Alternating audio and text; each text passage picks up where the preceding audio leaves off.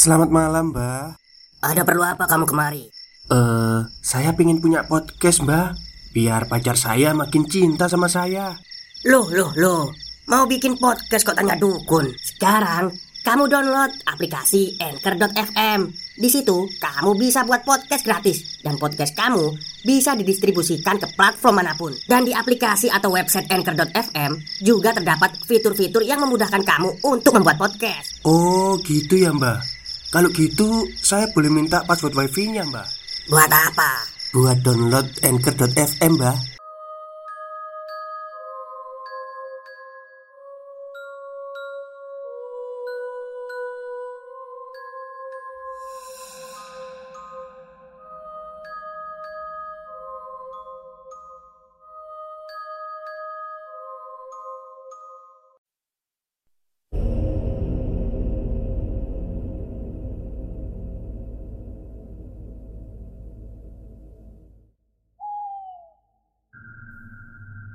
Assalamualaikum warahmatullahi wabarakatuh. Halo semuanya. Jumpa lagi dengan saya Chow Sing Sing Kurator dari podcast Horror Night Story. Halo apa kabar semuanya? Semoga kalian semua sehat-sehat ya. Dan seperti biasanya Pada malam hari ini Saya kembali dan akan menghadirkan sebuah kisah mistis untuk kalian semua Kisah mistis kali ini saya dapatkan dari kiriman email dari Denis Denis Mbak Denis ya Yang seorang pendengar di channel saya. Oke, daripada kita berlama-lama Mari kita simak ceritanya. Assalamualaikum warahmatullahi wabarakatuh. Apa kabar hari ini? Semoga semuanya sehat selalu Panggil saja saya Denis. Saya adalah pendengar setia podcast Horror Night Story. Semangat terus ya buat podcast Horror Night Story. Oke. Saya berniat ingin mencurahkan kisah dan pengalaman horor saya dari semenjak saya masih kecil. Namun sebelumnya, saya akan menyamarkan semua nama para tokoh dan nama tempat yang bersangkutan. Bagian pertama. Ular Kobra. Baik. Ceritanya saya mulai dari semenjak saya berusia tiga tahun. Waktu itu saya dan keluarga tinggal di pelosok desa kota X. Kita tinggal sama orang tua dari ibu saya. Kebetulan nenek saya itu punya sepetak kecil sawah jadi ibu dan bapak pasti ikut membantu jika nenek butuh bantuan Nah, karena saya waktu itu masih kecil sekitar umur 3 tahunan kurang lebih Mau tidak mau, ibu saya harus membawa saya saat mereka membantu nenek di sawah. Nah, hari itu adalah hari yang tidak biasa, tidak bisa kita lupakan, atau saya lupakan hingga sekarang. Di sini horornya masih belum seberapa. Tapi saya menganggap ini adalah awal dari semuanya.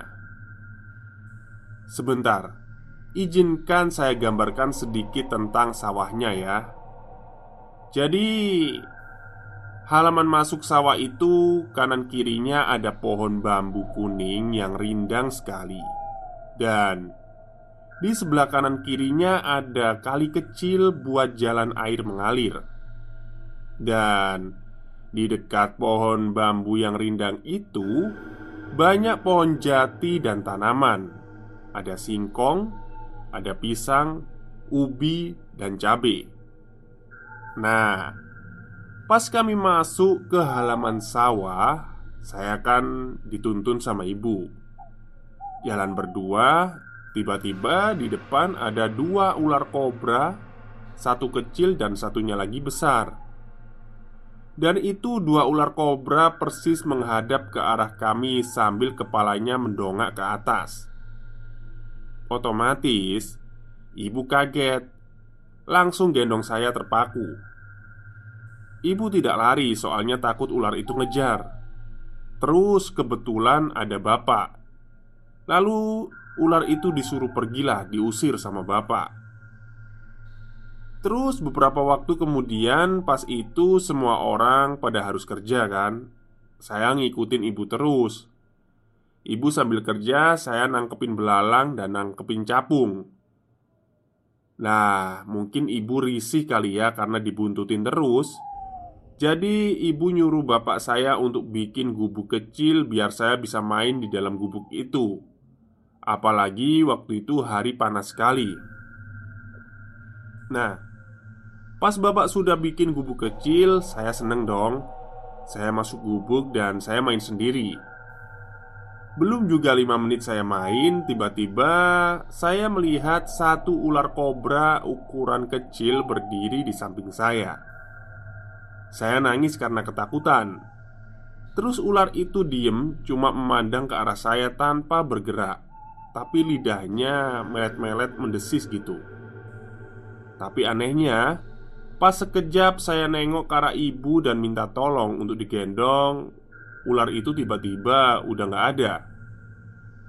Sekecil-kecilnya ular kobra kan ya pasti kelihatan dong. Cuman ibu saya mengira saya waktu itu teriak-teriak karena digigit semut. Lalu waktunya sholat dan makan siang. Alhamdulillah waktu itu kami sholat di bawah rindangnya pohon bam jambu, bambu Saya ikut-ikut aja, namanya juga anak kecil kan? Dan di saat semuanya sedang khusyuk sholat Saya mendengar dari dan ada suara anak-anak yang umurnya lima tahunan Lagi tertawa seperti sedang bermain. Saya pun mencari sumber suara itu. Dan ternyata benar ada banyak anak-anak seumuran lima tahun sedang main di balik pohon bambu Terus ada yang melambaikan tangan ke arah saya Manggil-manggil saya. Sini, sini. Gitulah. Saya cuma tertawa kecil karena mereka sambil ajak aku main dari jauh. Terus setelah semua sudah selesai sholat Mereka langsung ngibas-ngibas pohon bambu itu seperti mengusir anak-anak kecil itu, dan mereka menyiapkan makanan, mengeluarkan nasi dan lauk pauk. Mereka itu yang dimaksud orang tuanya, ya. Nah, saya disuruh duduk di bawah pohon kecil dekat kali kecil yang mengalir itu. Kebetulan tidak ada air karena musim karena belum musim hujan.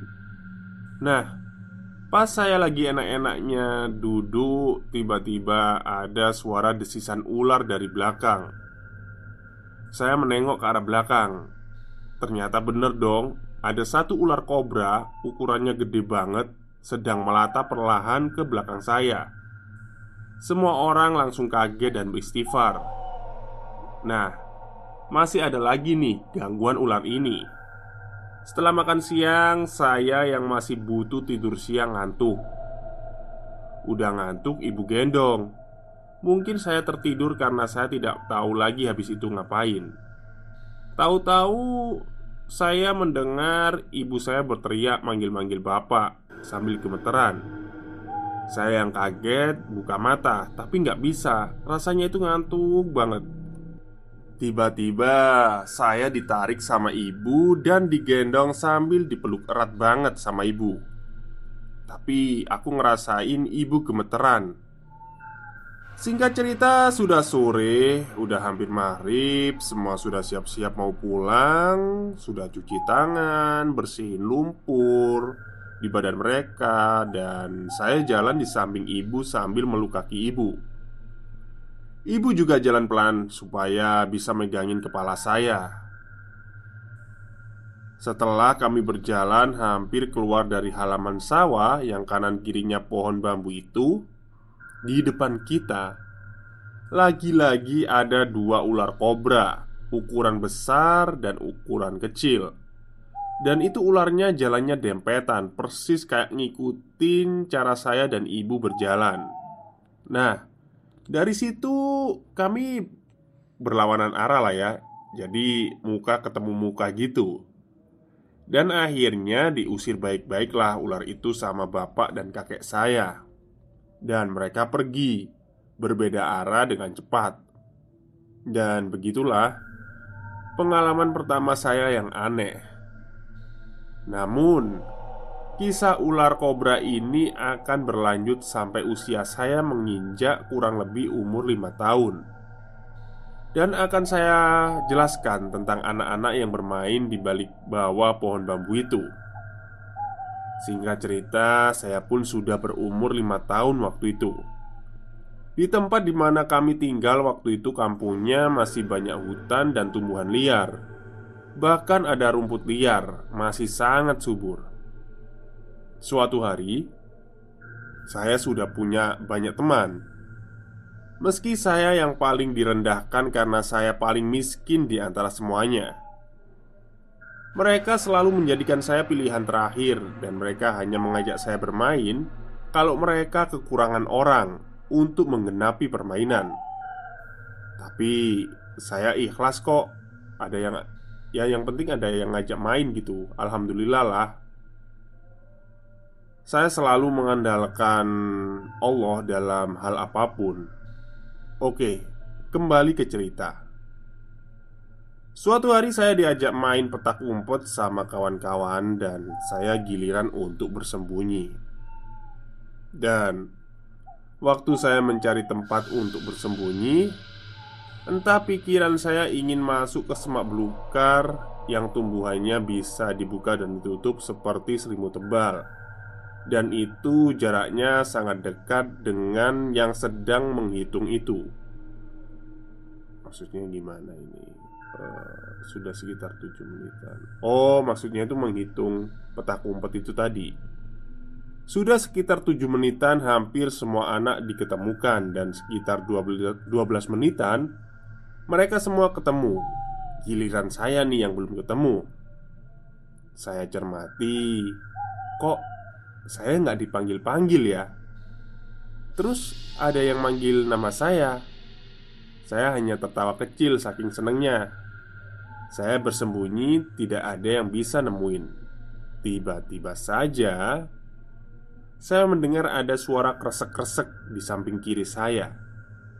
Saya yang sedang berjongkok tiba-tiba kaget dan terpaku melihat sosok ular kobra yang sangat besar itu Pas di muka, di hadapan muka.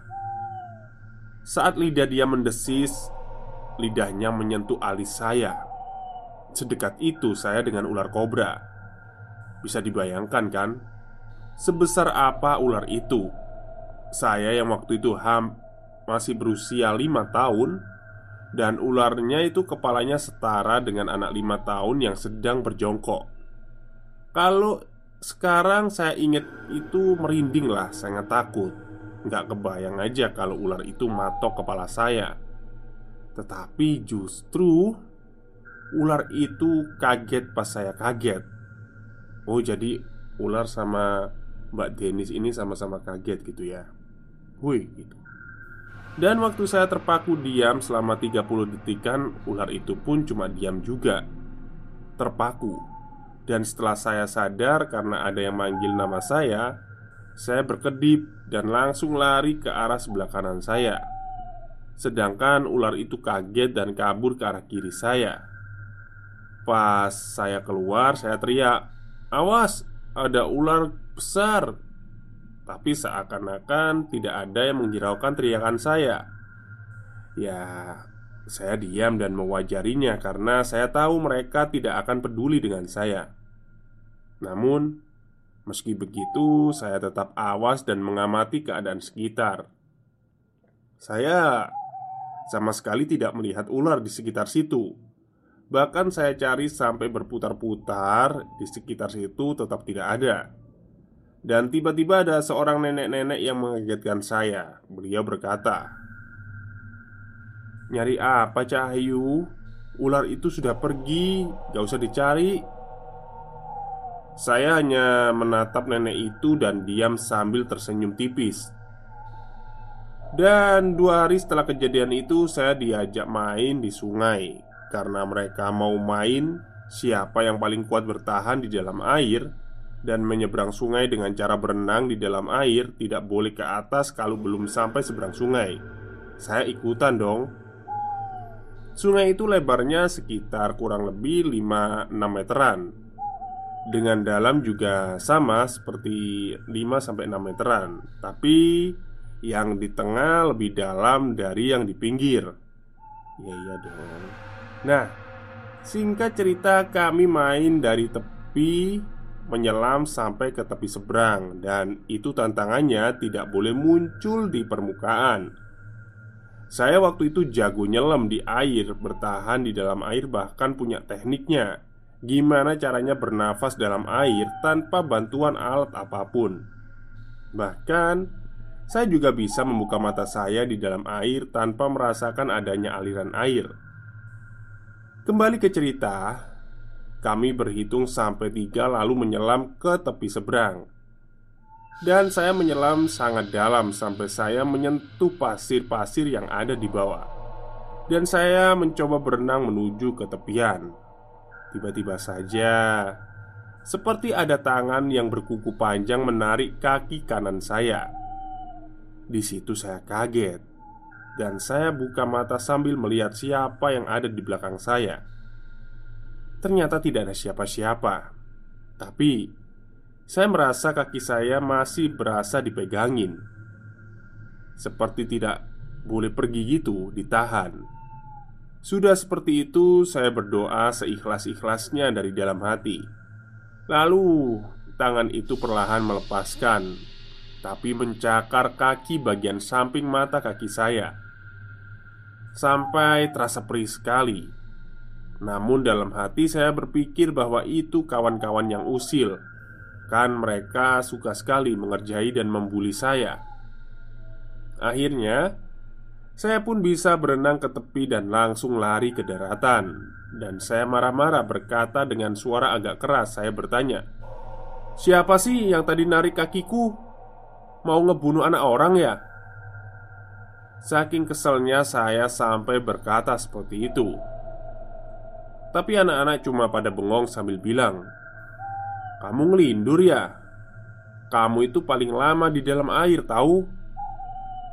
Kamu sudah pada di atas Kamu masih di belakang kami Oh maksudnya itu kami sudah pada di atas Kamu masih di bawah gitu Masih nyelam gak nongol-nongol ya Oke lah. Terus saya sadar merasa sangat Perih lah Di bagian mata kanan Mata kaki kanan saya. Dan ternyata benar kaki saya mengeluarkan banyak darah. Ada empat, goro, empat goresan seperti kuku panjang. Dan di saat itu saya langsung berpikir Apa mungkin itu buaya?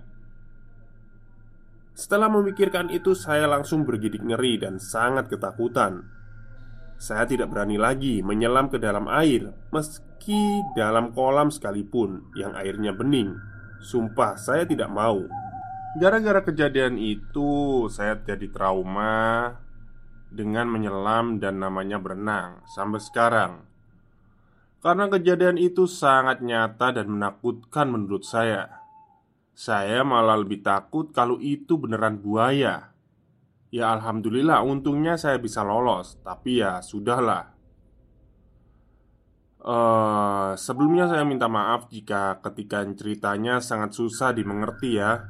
Iya benar sekali Saya tidak biasa mengetik cerita-cerita pengalaman saya Dan mari kita langsung saja ke inti ceritanya Dari sudut pandang ibu Dan ini masih terbawa ke part satu itu ya Yaitu ular kobra yang setelah saya dewasa ibu menceritakannya Waktu itu saya dipanggil oleh ibu saya untuk memberitahu suami saya agar mau membantu bekerja pekerjaan di sawah jika kami berkenan.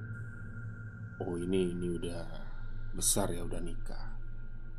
Berhubung kami tidak ada kegiatan ya sudahlah pada saat itu saya iakan saja. Dan saya mencoba untuk mencari anak muda yang mau ngomong saya ngomong anak saya yang berusia tiga tahunan ini. Namun Tidak ada satupun yang mau menolong saya. Saya punya dua anak yang sudah besar sebelumnya Sebetulnya. Tapi mereka sekolah jauh dan harus berjalan kaki. Saya tidak tega lah melihat mereka harus bawa tas sekolah dan menggendong adiknya. Tanpa pikir panjang, saya merundingkan dengan suami saya untuk membawa anak kami ke sawah. Namun, ibu tidak sengaja mendengar percakapan kami di kamar. Ibu langsung berkata, "Jangan, jangan bawa anak kecil, apalagi anakmu perempuan." "Memangnya kenapa, Bu?" tanya saya. "Ya, karena anakmu masih kecil dan sudah pasti akan menjadi tempat baru yang asing buat dia." Lagian kan lagi musim panas Kasihan kalau dia harus kepanasan Lanjut ibu menjelaskan. Lalu anak saya yang sedari tadi berada di dekat kami Langsung merengek minta ikut. Singkat cerita Keesokan harinya saya pun tidak ada pilihan lain Selain membawa anak saya ke sawah. Pergilah kami ke sawah Ngontel sepeda bersama-sama. Waktu itu Sawahnya masih berada di tengah-tengah hutan. Dan kami pun sampai di dekat sawah dan menaruh sepeda disenderkan di pohon. Zaman dulu itu sangat aman di desa kami Tidak ada yang namanya maling.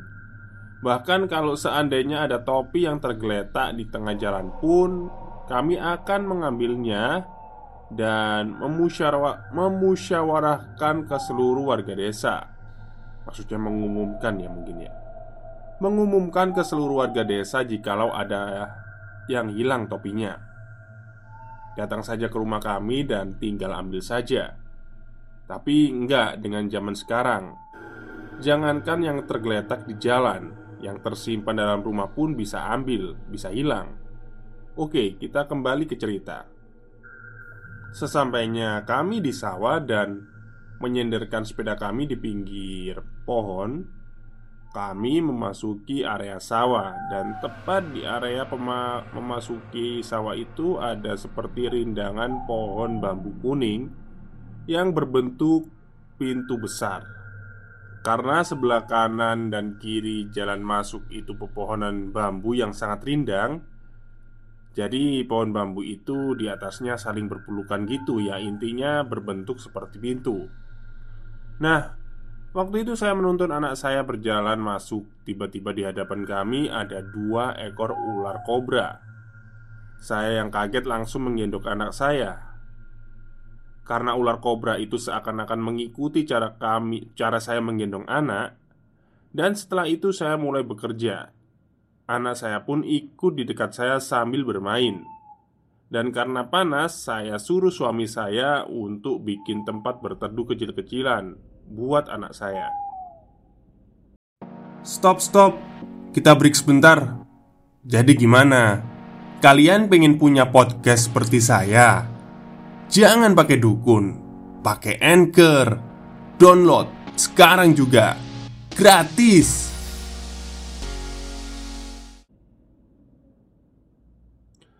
Ini agak ini agak mirip dengan cerita uh, apa itu namanya? Cerita waktu dia kecilnya ya.